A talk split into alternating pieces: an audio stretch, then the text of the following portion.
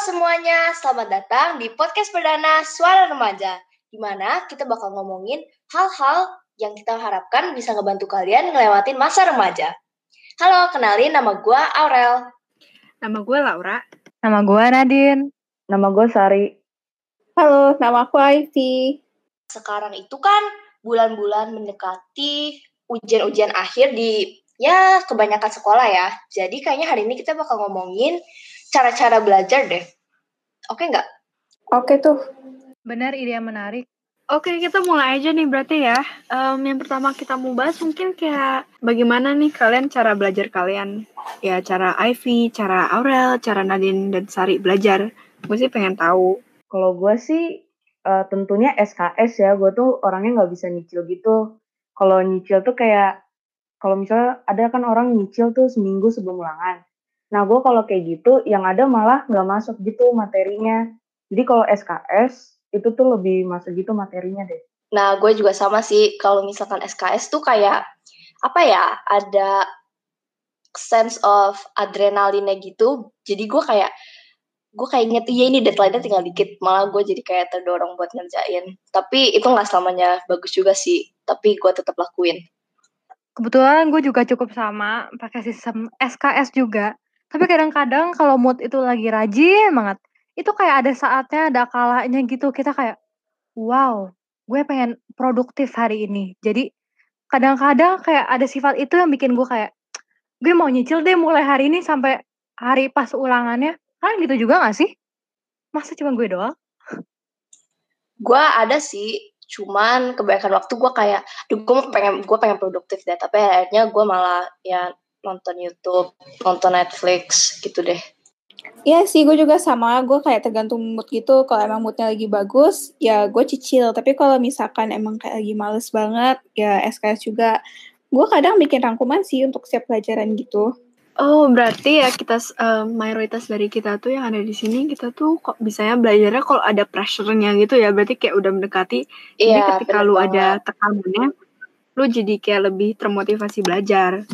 Tapi sebenarnya tuh nggak uh, semua orang kayak gitu sih, setahu gue ya. Banyak emang ada kayak orang-orang rajin gitu yang nyicilnya beneran dari jauh hari. Nah iya, kalau dari pengalaman gue sih, gue seringnya itu ketemu, sekarang gue nanya, eh lu udah mulai belajar gak buat kayak PAS? Terus mereka kayak, iya gue udah nih, terus gue jadi stres sendiri karena gue belum mulai apa-apa. Jadi itu juga ngedorong gue buat kayak mulai lebih awal sih. Setuju, setuju. Nah, tapi menurut gue yang kalau sistem kita yang beda-beda gini, kalau anak seumuran kita itu, yang perlu kita terapkan di hidup kita itu sepertinya kayak time management gitu kan ya. Karena kadang SKS itu kalau malam-malam bisa aja kita kayak baru tidur jam satu gitu, cuman buat belajar. Sedangkan kan kalau kita tidur jam satu itu ngerusak kesehatan kita dong. Namanya orang begadang, iya gak sih? Iya bener banget. Gue tuh punya kebiasaan kalau lagi minggu PAS itu gue bakal maksain diri buat minum kopi terus begadang buat belajar sampai jam 2 malam. Tapi dari tiga tahun gue selama di Sanur, gue belajar kalau gue tetap harus prioritasin kesehatan gue karena kalian bisa nanya sama kayak teman-teman dan angkatan Sanur kita kalau gue itu setiap kali minggu ulangan pasti ada yang gue absen karena sakit. Dan biasanya itu gara-gara gue begadang, terus akhirnya gue pusing lah, terus radang tenggorokan. Ya, pasti, pasti. Time management tuh paling penting ya. Tiap orang pasti punya time managementnya beda-beda dan kita semua tuh perlu ngelatih time managementnya sejak kecil dan itu pun uh, skill time management tuh kayak salah satu yang paling penting dalam proses belajar gue bilang sih. Ya bener sih kayak time management itu kayak hal yang penting gitu ya uh, selama pengalaman gue di tiga tahun di Sanur, gue masih ngerasa time management gue tuh kurang gitu loh. Kayak dulu SD kan gue ter orangnya termasuk rajin ya, apa-apa tuh dicicil, tapi pas masuk SMP nggak tahu kenapa hilang semua begitu saja.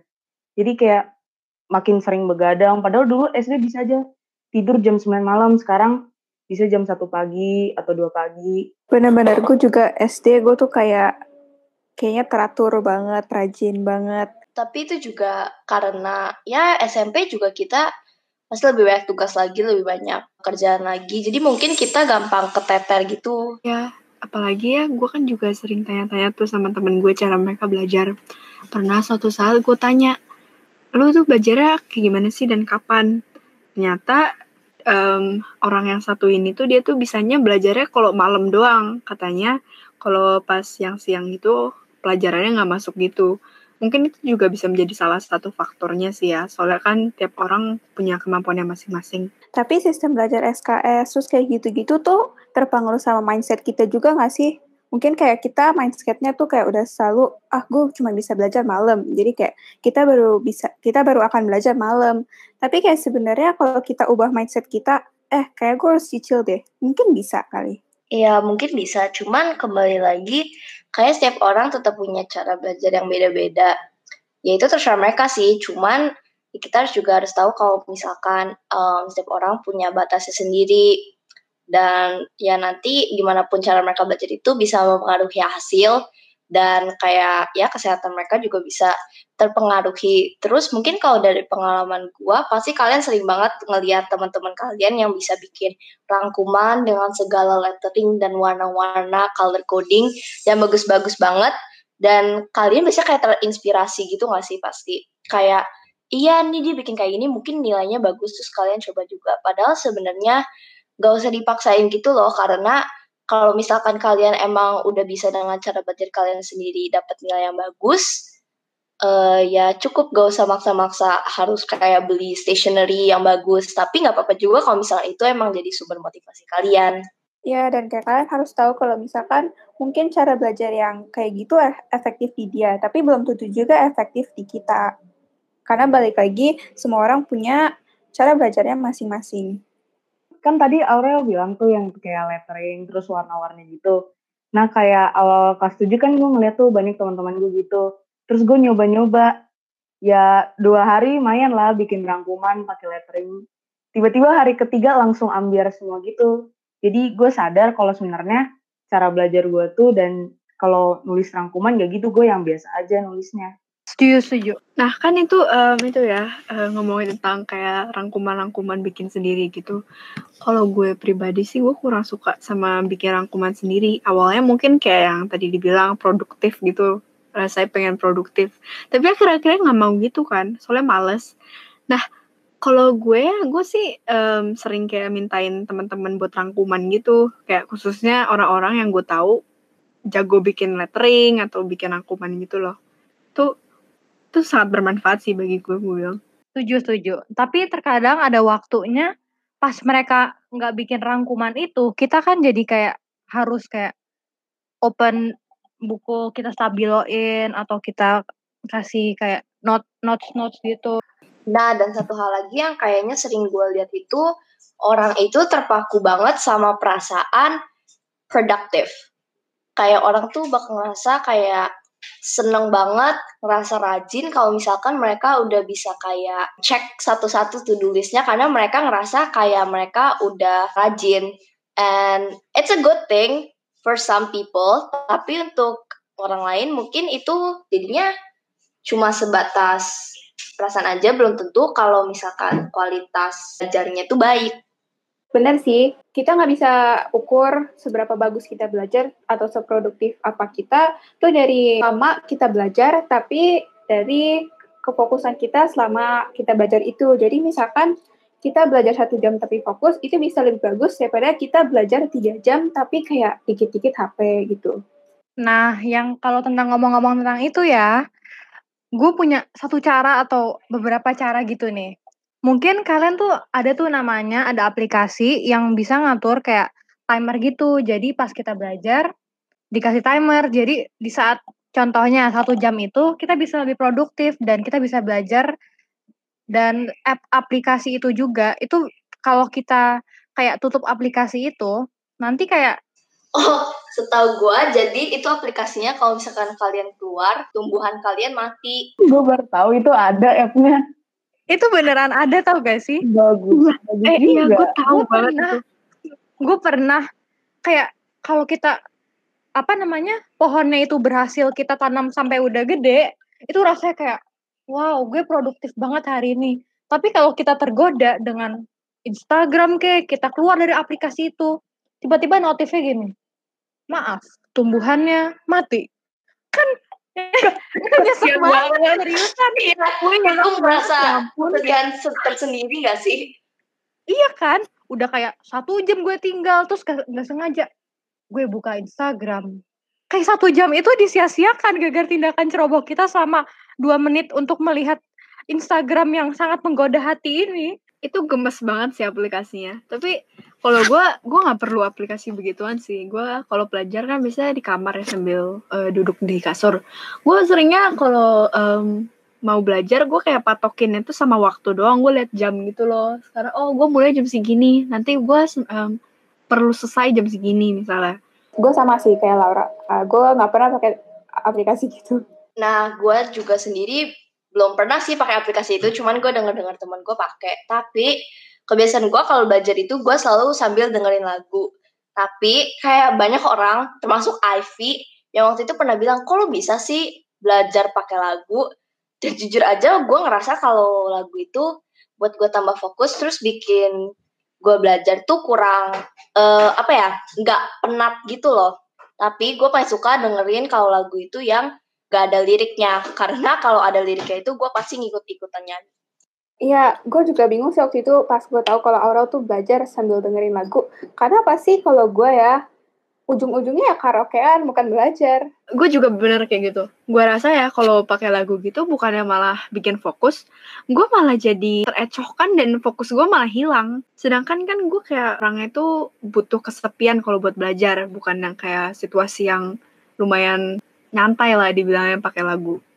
Gue juga sama sih kayak Ivy sama Laura, kayak pengalaman waktu PS yang lalu, kayak gue ngidupin lagu yang enak-enak, terus malah jadi se sejam nyanyi-nyanyian doang. Itu rangkuman cuman terpapar di meja. Sama setuju banget.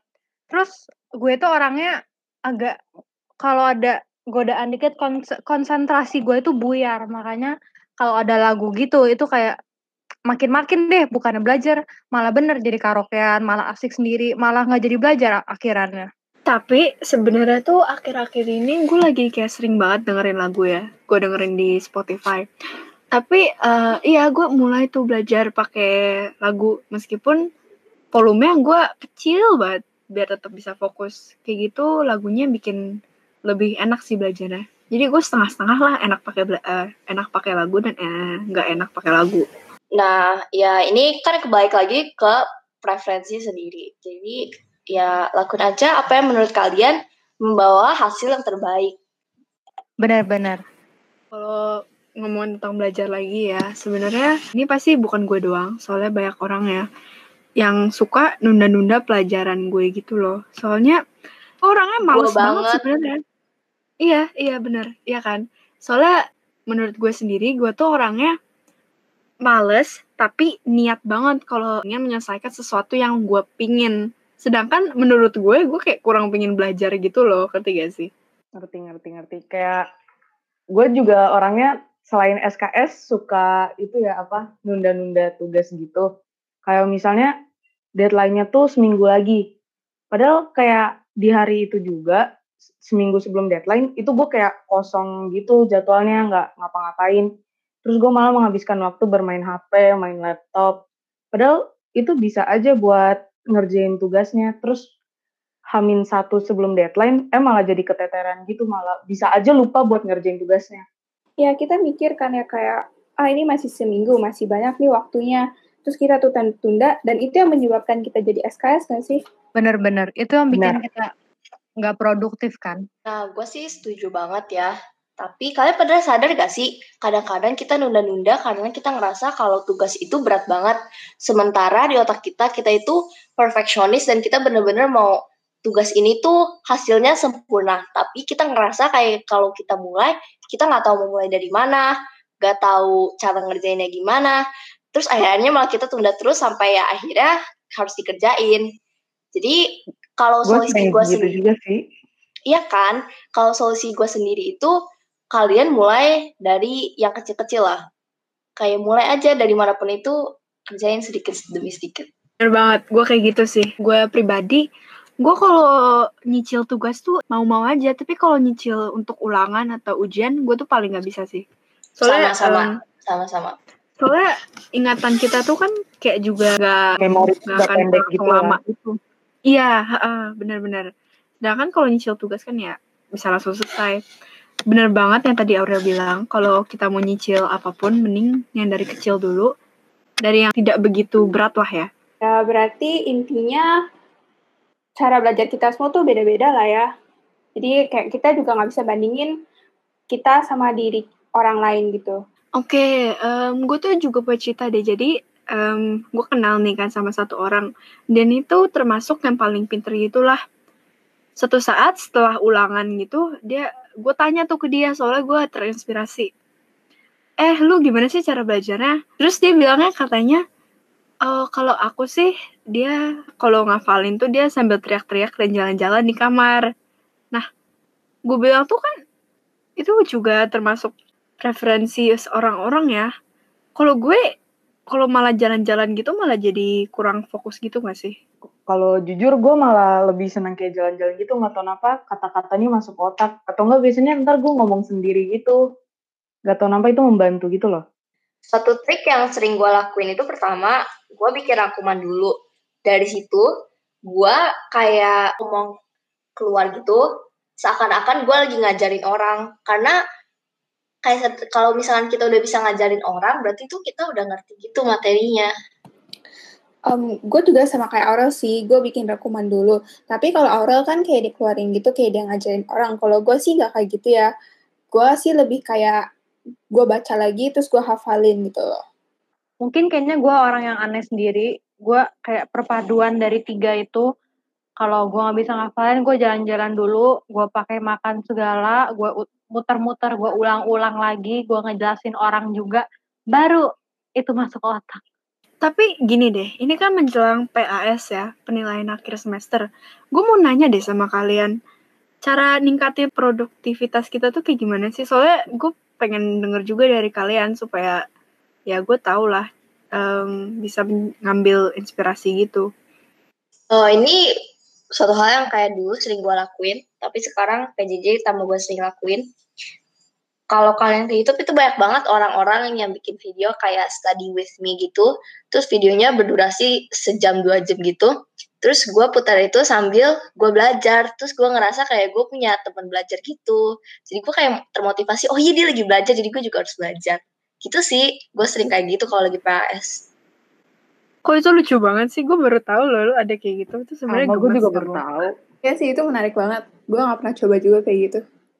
Bisa sih, bisa jadi suatu satu cara baru untuk kita belajar. Mm -mm. Rasanya gimana sih Ra kalau ada gitu? gue kalau kayak gitu ya tambah senang aja gitu karena gue ngerasa kayak ada temen belajar terus kayak terus kadang-kadang biasanya mereka juga ada break time-nya gitu buat mereka kayak makan atau apa jadi gue juga yang ngasih diri gue istirahat ngomong-ngomongin istirahat menurut gue ya apalagi di PS ini gue yakin banyak yang begadang dan menurut gue tetap penting buat kalian memprioritaskan kesehatan kalian kesehatan fisik dan kesehatan mental juga. Jadi kalau misalnya kalian ngerasa capek, ya istirahat, tidur, mungkin olahraga atau apa pun itu. Bener banget ya, kita tuh harus memiliki sleep schedule yang bagus. Soalnya nih gue pernah denger gitu ya dari dokter gitu, kan banyak nih dari kita yang begadang, terus kita ganti replace waktu tidurnya kita tuh di dengan tidur siang itu tahu kan maksudnya diganti gitu. Nah sedangkan itu tuh uh, pas gue dengar dari dokternya ternyata tuh tidak tidak akan menggantikannya tetap aja nggak sehat gitu loh. Jadi nggak sama ya artinya tidur malam sama tidur siang. Iya bener banget bener banget. Tapi emang nggak apa-apa sih kalau tidur siang kalau memang kalian kecapean begadang itu tetap bagus ya. Tapi intinya kita tuh tetap butuh tidur malam yang lumayan lama gitu ya sekitar 6 sampai 8 jam lah ya. Nah, iya dari obrolan kita hari ini kita harap kalian tuh bisa dapat mungkin cara-cara belajar baru untuk PS kalian ke depannya. Nah, bener banget tuh.